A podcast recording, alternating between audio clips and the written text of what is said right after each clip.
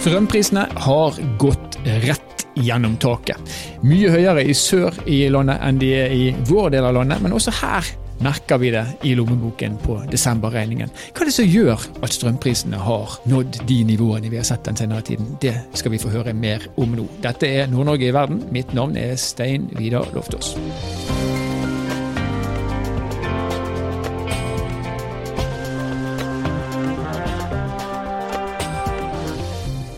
Strømprisene de varierer, og den siste tiden så har de variert mye. Og de har blitt veldig høye. Og nå har vi med oss administrerende direktør i Ishavskraft, Stig Hansen. Velkommen til oss, Stig. Takk.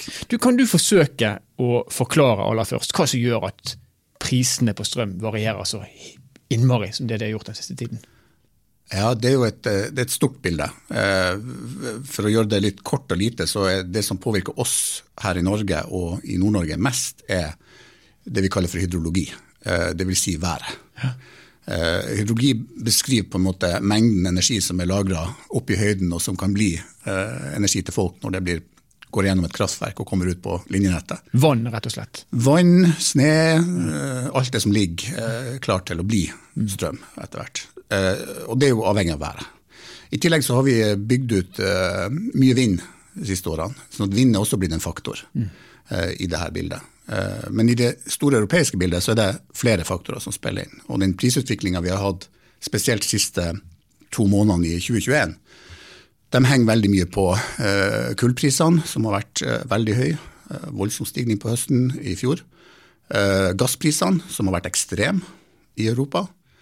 Uh, og det avhenger også av det vi kaller for CO2-avgifter. Uh, og det er jo vi i Islandskraft litt for at vi skal ha avgifter på uh, energibærere som forurenser. Ja.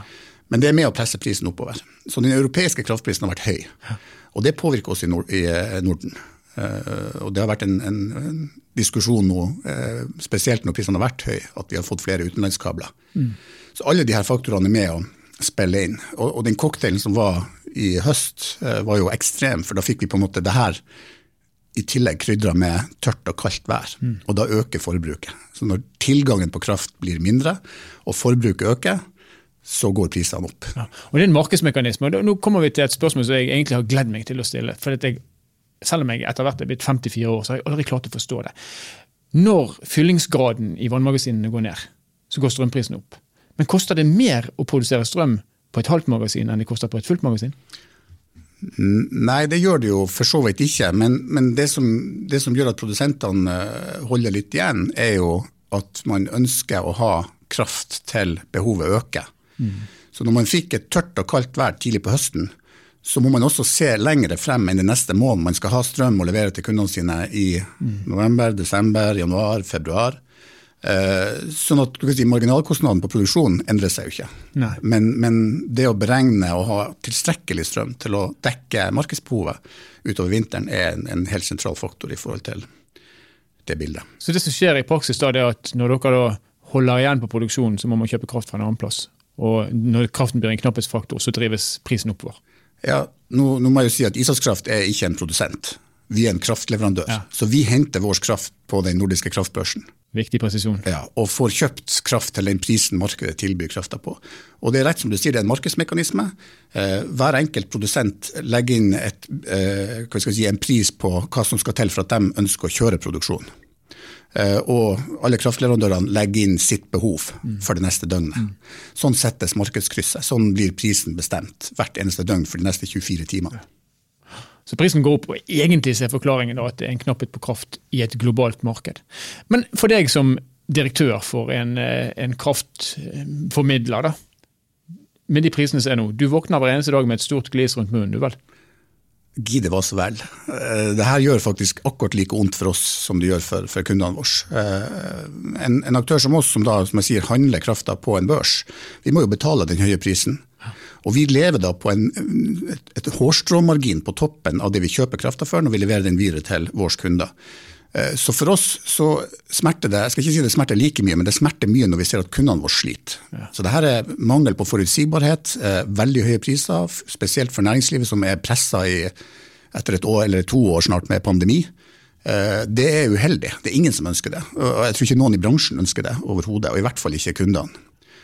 Så, så, det er ikke sånn at jeg våkner med et stort glis. Vi er fortvilt på vegne av kundene. Og vi gjør jo det vi kan for å, å påvirke den situasjonen som har oppstått. Mm. Men jeg så i går for eksempel, et sånt øyeblikksbilde, så var prisen på kraft i, i, i mitt område, i vårt område her, da, 13 øre en kort periode, og så var den samtidig nesten to kroner sørpå. Noen må jo tjene penger, mye penger på at, eh, at strømprisen er så høye som det er. Og det er ikke dere i Ishavskraft, og det er i hvert fall ikke oss som kunder. Hvem er det som sitter igjen med den store gevinsten? Nei, det sier seg sjøl. Som jeg sier, marginalprisen er den samme. Så produ norske produsenter eh, tjener jo mer penger når prisen blir ekstremt høy. Hvis vi sier at marginalkostnaden er ganske lav på norsk vannkraftproduksjon.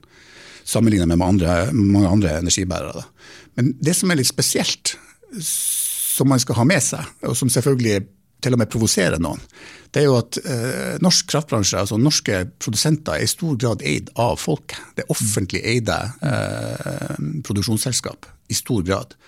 Det gjør jo at vi er i en veldig heldig situasjon. Altså Vi bringer masse masse penger inn i statskassa med høye priser.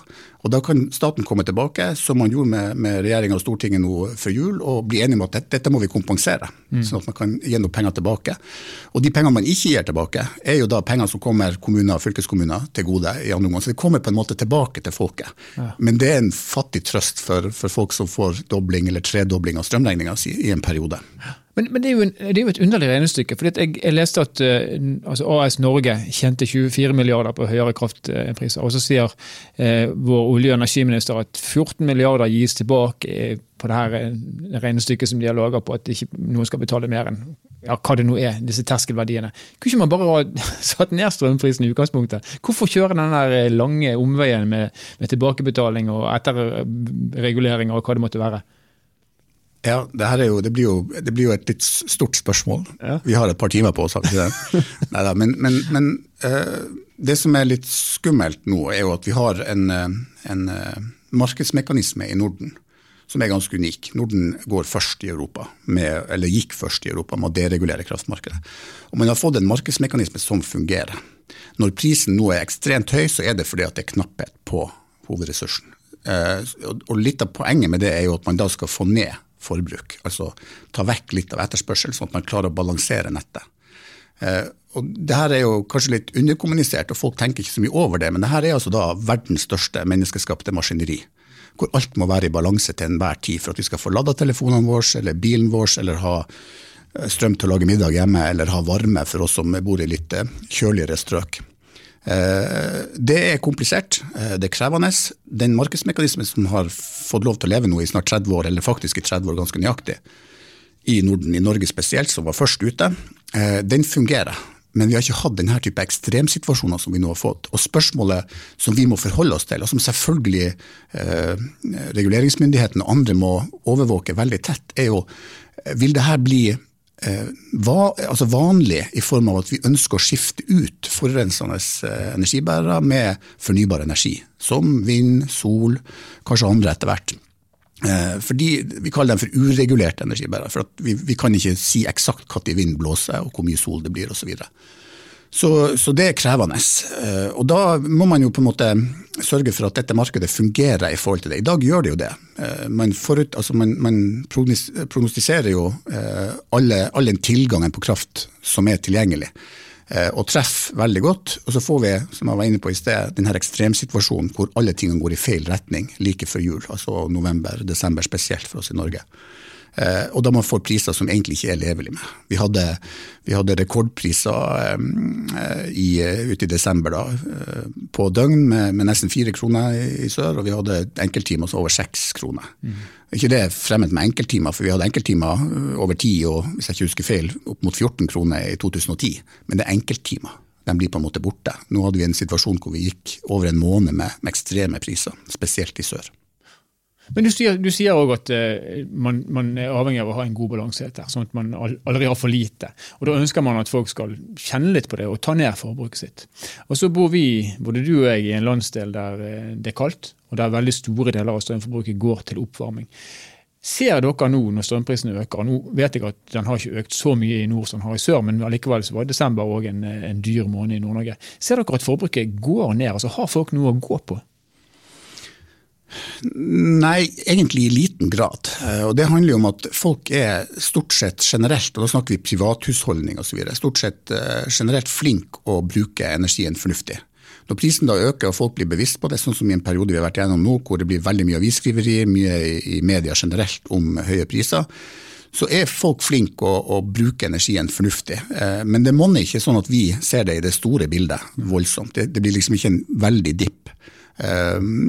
Men, eh, men, eh, folk gjør tiltak underveis, og i disse tilfellene så har vi ja, eksempelvis eh, mange som, som uh, gjør endringer uh, hjemme sjøl. Uh, skaffer seg varmepumpe og, og, blir veldig bevisst på at, at her er det mulig å ta ned forbruket en del. Og det er jo vi veldig for. Så vi, vi, Islandskraft har jo i perioden faktisk hatt en, en, ganske kraftig vekst på salg av varmepumper som folk kan få installert og nedbetalt over strømregninga. Så det er en sånn liten faktor oppi, oppi det bildet med, med usikre strømpriser. Hva, hva, er det som lønner seg? Hva er det i grepene? Du nevner varmepumpe. Er det andre grep vi som privathusholdninger bør nå tenke på for å imøtegå det som kanskje vil bli høyere strømpriser i tiden som kommer? Du nevnte det jo i sted. altså det varierer selvfølgelig alt etter hva slags eh, husholdning det er snakk om, men, men eh, si fra 60 til 80% av forbruket ditt hjemme går til oppvarming og til, eh, til, varmt vann. Så oppvarming, der er det som jeg sier, tiltak som å, å ta i bruk varmepumpe, eh, regulere temperatur i rom. Hvis du reduserer innetemperaturen med én grad, så reduserer du forbruket ditt med 5 så det er klart, Hvis du, hvis du har 24 grader hjemme, så, så, blir du ikke å fryse mye hvis du går ned til 22, og da har du redusert forbruket ditt med 10% Og så er jo eh, det er jo en, en, en sånn gammel historie, det med, med varmtvann. Det er jo kanskje spesielt det å, å bruke mye varmtvann over tid. Stein Vidar Loftaas er jo en, eh, en uh, ulv i fåreklær når det gjelder musikk. Så istedenfor å synge hele 'Stairway to Heaven' på åtte minutter når han tar morgendusjen, så kan han bytte til eh, 'Heart of Gold' med Neil Young, som bare tar tre minutter. Så, så har du faktisk redusert kostnadene dine. Ikke nødvendigvis de første dagene så mye, men i løpet av ei uke, i løpet av en måned, så utgjør lang og kort dusj ganske stor forskjell på, på den biten. Og, og tidspunktene man dusjer på, har jeg forstått også? Ja, og det, og det er også et godt poeng, for eh, nå får vi mer og mer eh, elektriske biler. Eh, folk kommer hjem fra jobb, setter bilen på lading med en gang de kommer hjem. Det er en sånn kritisk periode. Eh, sånn at eh, har man elbil, så er det fornuftig å lade elbilen utenom tidsrommet syv til ti på, på, morgenen og tre til seks på ettermiddagen. For da er det veldig høye priser. Og det man da oppnår i praksis, er faktisk at man hjelper netteieren å balansere nettet bedre, som igjen kan ta ned deres investeringer over tid. Som igjen fører til at de får lavere nettleie Eh, fordi at de ikke må gjøre investeringen så tidlig som de må gjøre hvis de skal ha all effekt tilgjengelig til enhver tid. Så det, det, er gode, det, er mange gode, konsekvenser samfunnsmessig også av å bruke energien fornuftig. Og det brenner vi for. Derfor leverer vi også elbilladere som har smartness til denne type funksjonalitet, som du kan få nedbetalt over strømregninga. Et godt råd og litt snikreklame, men det tillater vi på Nord-Norge i verden. Helt til slutt, Stig. Eh, skyhøye strømpriser i desember i deler av Norge er fortsatt ganske høyt i dag. Eh, hva blir den nye normalen på strømpriser hvis vi skal se fremover? Ja, Da hadde jeg sikkert fått jobb en helt annen plass hvis jeg kunne fortelle hva prisen ble de neste årene. Som jeg sier, det er veldig væravhengig. Eh, vi henger veldig mye på været i, Norden og i Norge. Sånn at det her er litt sånn tørt og, og, og kaldt, eller vått og mildt. Eh, hvis vi får eh, tørre og kalde perioder, så vil vi nærme oss eh, den europeiske prisen. Da får vi høye priser. Hvis vi får eh, eh, våte og milde perioder, så vil vi øke avstanden til resten av Europa. Og Det som er spesielt for oss i Nord-Norge, er at vi har et kraftoverskudd. Det er bygd ekstremt mye fornybar energi i vind, spesielt i Nord-Sverige. Eh, og vi har et kraftoverskudd i nord, og vi har ikke linjenett til å eh, overføre det sørover når Sør-Norge trenger det. Det betyr at vi får et kraftoverskudd i nord og lavere pris i nord i forhold til Sør-Norge. Du kan egentlig sette den streken ta med NO3, som det heter, et prisområde i Trøndelag. Så hvis du setter streken sør for Trøndelag, så er det liksom et prisskille der mm. mellom nord og sør. Uh, det tror vi kommer til å vare en bra stund. Det tar lang tid å få utjevna de her linjeforholdene.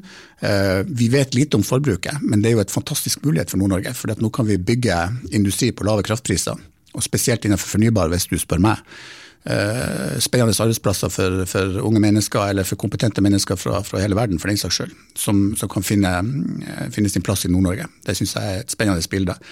Hvis jeg skal ta på meg, ta fra spåkula, så tror jo vi at med en normalsituasjon så vil eh, kanskje prisen i, i Nord-Norge ligge mm, nesten på samme nivå som man har gjort i 2021. Og da har det vært halvparten av sør. Mm. Så vi kjøper jo denne krafta i og med at vi har en nordisk børs, så kjøper vi krafta i euro. Og bare for å gjøre et, et sånn raskt eh, estimat, så kan du si at man forventer en pris på, på, eh, på sør på rundt 80 euro. Nå er jo krona historisk svak for øyeblikk, så det er klart det har konsekvenser det der òg. Men, eh, men, eh, i forhold så kan du si at Nord-Norge forventes å ligge på 25-35. Det er stor forskjell. Det er veldig stor forskjell. Og det er klart det her er interessant. Det merker vi jo. Det er aktører som nå ser nordover og lurer på eh, hva slags kapasiteter er tilgjengelig. Kan det være aktuelt å etablere seg? Og så, og så, skjer det ting fremover i tid. så Vi tror jo at når vi begynner å nærme oss 2030, eller kanskje allerede 2026-2027, så vil denne forskjellen begynne å utjevne seg. Mm. Men som sagt, veldig vanskelig å spå eksakt. Men, men signalet er jo eh, bruk energien din fornuftig. Eh, vær opptatt av å, å hva skal jeg si, energieffektivisere både privathusholdninger og næringsliv. Det tjener vi på på lang sikt, også som forbrukere, fordi at vi klarer å holde nettleia lav, og vi klarer å, å utnytte den energien som er tilgjengelig, eh, til det beste for, for samfunnet rundt oss. Og ikke syng lange sanger når du dusjer. Tusen takk skal du ha for at du kunne være med oss, Stig Hansen, administrerende direktør i Isafskraft. Kraft.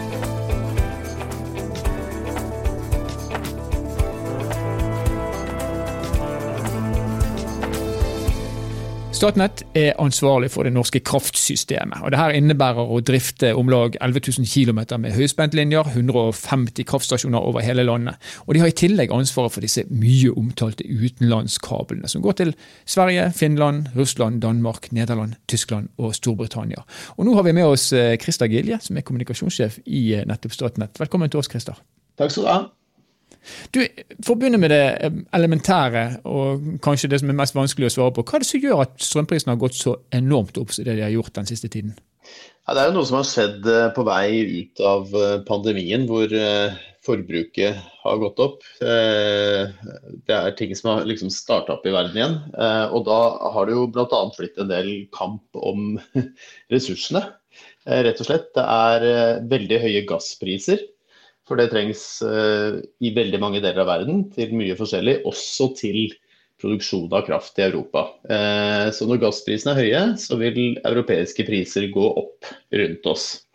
I tillegg til det har det vært mindre vind enn vanlig til vindkraft uh, i Europa.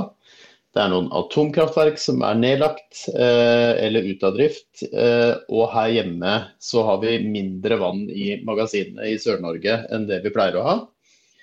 Eh, Samla sett, i tillegg til enda flere faktorer, så har liksom alt slått til og gjort at strømprisene internasjonalt i Europa har gått veldig opp. Eh, og det gjør også at eh, prisene i Norge går opp, men eh, mest da i Sør-Norge. Eh, som er tettest på Europa, og som har mindre vann i magasinene i forhold til forbruket. Eh, sett opp mot uh, kapasiteten som man har i nord. Men bare sånn at vi, vi forstår det helt, for Prisene har gått veldig opp i Europa. og jo, Du redegjør jo godt for, uh, for en energimangel egentlig som en, som en, årsak til det. Og så har prisene i Norge gått opp som en følge av det. Betyr det at vi betaler like mye for strømmen i Norge nå som det, vi, det de betaler for den i Tyskland? Nei. over tid så har prisene eh, i fjor. I hvert fall var det vel eh, ca. 25-30% høyere pris i, i Tyskland. Eh, det samme gjelder Danmark. Det er egentlig bare Sverige og Finland som nå har konkurrert med Norge i å ha lavere pris. Altså, Sverige og Finland har hatt en del lavere pris enn Sør-Norge. Mens Nord-Norge er med og har blant de laveste prisene i, i, Europa. Men over tid så har eh, Norge stort sett lavest pris, eh, med et lite unntak av Island. Strømpris i Europa. Og det ser vi at vi fortsatt har. sånn at selv om prisene er rekordhøye i Norge, så er de enda høyere i Tyskland. Og enda høyere enn det igjen i Storbritannia f.eks. Så det er ikke sånn at vi følger opp til samme pris som nabolandene. Men, men bare, bare for, så, så, jeg skal forstå det helt. Vi har jo kabler til de nevnte landene. Betyr det at vi kunne solgt enda mer kraft til de til en enda høyere pris? Altså Istedenfor å selge det litt billigere til uh, vårt eget marked? Nei, eh, det er jo eh, gitt kapasitet på de kablene. Eh, og den er maksimalt 1400 eh, megawatt. Eh, det tilsvarer et ganske stort kraftverk. Eh, nå er den noe mindre, både til Tyskland og til England. Og til England så er vi fortsatt i prøvedrift. Det betyr at vi for tida stort sett så eksporterer vi det vi har mulighet til på den kabelen til England, fordi de har veldig stort behov for kraft der og veldig høye priser. Eh, men det er ikke sånn at vi kunne ha eksportert mer, fordi kapasiteten er som det er. Eh, og Det er også en av grunnene til at vi, hvis vi hadde hatt utallige kabler over til England, så ville vi jo til slutt hatt den samme prisen. Og, og alt hadde vært på en måte ett eneste marked. Men siden kapasiteten mellom landene og de ulike landsdelene i Norge også for den saks skyld ikke er eh, uendelig, så gjør det at eh, prisene blir uh, ulike. For det er liksom det prisområdet en er i, som, som har en satt pris fra time til time da, i markedet. Det, men vi, vi, leverer det vi kan, og, og skal egentlig være glad for da, at ikke vi kan, kan, levere mer, hvis vi ser det fra et forbrukerperspektiv i, i Norge, for da ville prisen gått ytterligere opp her også. Eh, når jeg ser på tallene, og det er mange tall, og det er mulig at jeg er i ferd med å gå meg vill allerede på starten her, men Statnett tjente altså over 4 milliarder kroner på de, eh, det vi solgte gjennom de nevnte kabelforbindelsene til nabolandene våre i fjor. Hva, hva brukes disse pengene til? Nei, De pengene som vi tjener på eh, at det sendes kraft gjennom kablene, som eh, forenkla er en slags bompengeavgift da, for de som, eh, som selger kraft eh, mellom landene, eh, de pengene eh, brukes jo til å betale for kablene i seg selv og for investeringer i nettet i, i Norge. og Det betyr at vi tjener mer på forbindelsene våre til andre land enn eh, det vi betaler av kostnader for, for de kablene.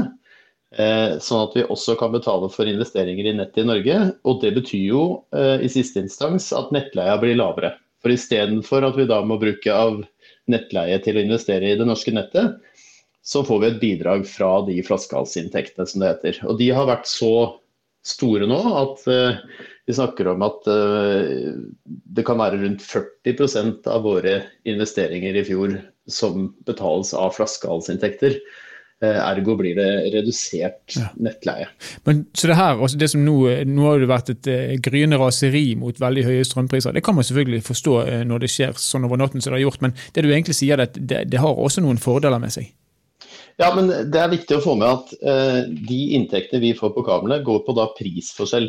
Så Det betyr at uh, det er ikke sånn at vi tjener mer jo, jo høyere prisene er, uh, men vi tjener mer jo høyere prisforskjellen er, faktisk. Ja. og Det betyr jo at når man da vet hvor høye priser vi har hatt i Norge i det siste, så, så viser jo det også at det er enda høyere priser på andre siden av flere av våre kabler. Eh, som gjør at den prisforskjellen blir stor, og da blir inntekten på kablene også stor. Ja, en marginbetraktning der. Eh, vi befinner oss i Nord-Norge. Nord-Norge i verden er en podkastserie som har sitt utgangspunkt i Nord-Norge. Og I Nord-Norge så har vi vært, om ikke lykkelig forskåna for, eh, for, de voldsomme pristoppene som vi har sett, så har vi i hvert fall hatt lavere pris enn man har hatt i Sør-Norge. Og det, Dette forklares bl.a. med at det er ikke så godt overføringsnett mellom nord og sør.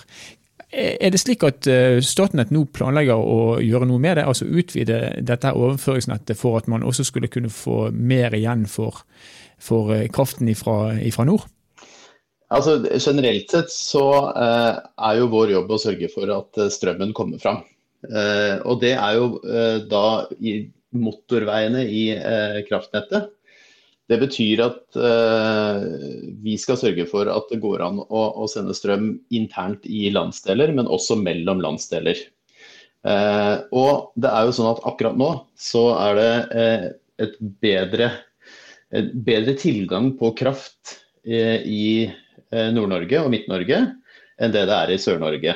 Eh, og Det er jo en grunn til at det blir lavere pris i, i Nord-Norge. I tillegg til at det kommer en del vindkraft som er bygd ut masse av i Nord-Sverige, som er med på å få prisene ned der. Men tidligere så har vi opplevd, det er ikke så mange år siden, at det var den andre veien. At det var spesielt Midt-Norge da, og til dels Nord-Norge som hadde høyere pris enn det man hadde sør i landet. Så vi bygger en del linjer mellom nord og sør og mellom landsdelene ellers for å sørge for at kraften skal kunne flyte mellom landsdelene. Og vi planlegger jo mange år fram i tid, alltid. Eh, for dette nettet skal jo fungere i 10-20-30-40-100 år framover.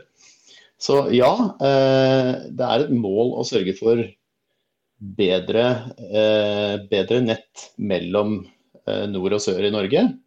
Sånn at vi i denne typen situasjon f.eks. ville jevna det noe ut. Og fått, mer, altså fått brukt den krafta som er til overs i nord i sør hvor det er for lite kraft. Eh, men hvor det også kan være andre tilfeller hvor været har gjort at det er mindre nedbør f.eks. i nord, og hvor en trenger å få, eh, få kraft eh, nordover fra andre områder. Nå vet vi at i Nord-Norge så planlegges det en del Eh, kan vi si, industriutbygginger som eh, har som mål å bygge batterier eller produsere hydrogen eller ammoniakk eller andre, andre kraftkrevende eh, tiltak. Da. Eh, og de her har jo gjort sine beregninger på, basert på, på det at det er generelt sett et kraftoverskudd i nord. Dersom Statnett da bygger flere kabler mellom nord og sør, og kanskje også flere kabler mellom sør og utlandet, eh, så vil jo dette her komme til å påvirke prisene eh, ja, i feil retning, sett fra disse virksomhetene sine synspunkter. Eh, hvor, godt er vi i synk her i forhold til de planene som legges hos dere, og de planene som legges i si, andre deler av næringslivet? Vi har jo hatt eh, mye god dialog med næringsliv og industri eh, rundt omkring i landet. og eh, Noe av det vi starta med, var eh, i nord. Eh, hvor vi hadde et prosjekt som het Næring og nett i nord. og Det handler jo nettopp om å bli kjent med hverandres planer. sånn at dersom det skulle komme en ny næring i et område hvor det er eh, overskudd på kraft i nord, Eh, så vil det jo være mindre lønnsomt å bygge ekstra mye nett for å få den krafta over til en annen landsdel f.eks. Eh, og samtidig så kan det være at noe eh, baserer seg på ny vindkraft f.eks. Eh, og da vet vi at den vindkrafta ikke alltid produserer. Så da kan det hende at det næringslivet trenger en overføring for å sikre at du får kraft når vindkrafta ikke produserer. Så vi prøver å sørge for at vi har god dialog mellom oss og andre nettselskaper som bygger nett for å overføre kraft. De som, eh, som planlegger eh, ny vindkraft, nå er det ikke så aktuelt med det akkurat nå, men det er jo noen prosjekt som allerede er i gang. Og næringsliv og industri som eh, ønsker å, å få tilgang på mer kraft. Og Dette her er kjempeviktig for oss, og vi syns jo selvfølgelig at eh, det er en, en, god mulighet nå at, at, folk ser at nå er det tilgang på kraft i nord. Den er rimeligere enn i, i Sør-Norge og enn i de fleste andre steder i Europa. Eh, da kan den sjansen selvfølgelig benyttes, sånn at man kan utvikle nye næringer. Eh, og, det må vi ta med inn i vår planlegging, sånn at vi ikke ender opp med eh, at vi setter i gang et stort prosjekt for å bygge nett uten å ta hensyn til at situasjonen kan endre seg. Sånn at det kraftoverskuddet vi kanskje ser i dag, ikke kommer til å være like stort fordi det brukes. Mm. Det er betryggende å høre at det er felles, felles planer der. Eh, siste spørsmål eh, til deg, Christer. fordi at eh, Nå har vi snakka mye om, eller mediene har over tid nå belyst mye konsekvensen av kablene, spesielt til Tyskland. Og Tyskland er som alle andre vestlige land i ferd med å eh, ta skrittet inn i omstillingssamfunnet og trenger da ren kraft. Det må man anta at det vil være andre land også som vil ha behov for. Er det planlagt flere utenlandskabler i den nære fremtiden? Nei, vi har bygd to store nye kabler eh, som har vært de største investeringene Statnett har hatt eh, noensinne.